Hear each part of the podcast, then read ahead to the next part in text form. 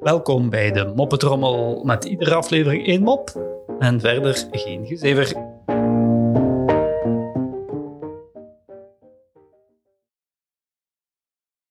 Een dokter en advocaat zijn een keuvel op een feestje. Ze proberen het zo gezellig mogelijk te maken. Maar hun gesprek wordt voortdurend onderbroken door mensen die hun kwalen beschrijven en de dokter om advies vragen. Na een uur van onderbrekingen vraagt de verbitterde dokter aan de advocaat: Wat doe jij in godsnaam om te voorkomen dat mensen jou voortdurend om gratis advies vragen? Ik geef ze het advies, antwoordt de advocaat, en daarna stuur ik ze de rekening.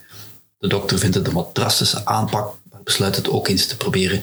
De volgende dag, terwijl hij zich een beetje schuldig voelt, maakt de dokter zijn aanrekeningen klaar. Als hij daarmee klaar is, loopt hij naar zijn postvakje om ze klaar te leggen voor verzending.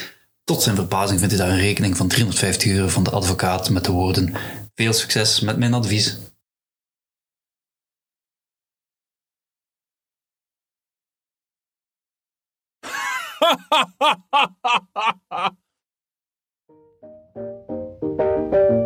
Zo, dat was de Moppetrommel voor vandaag.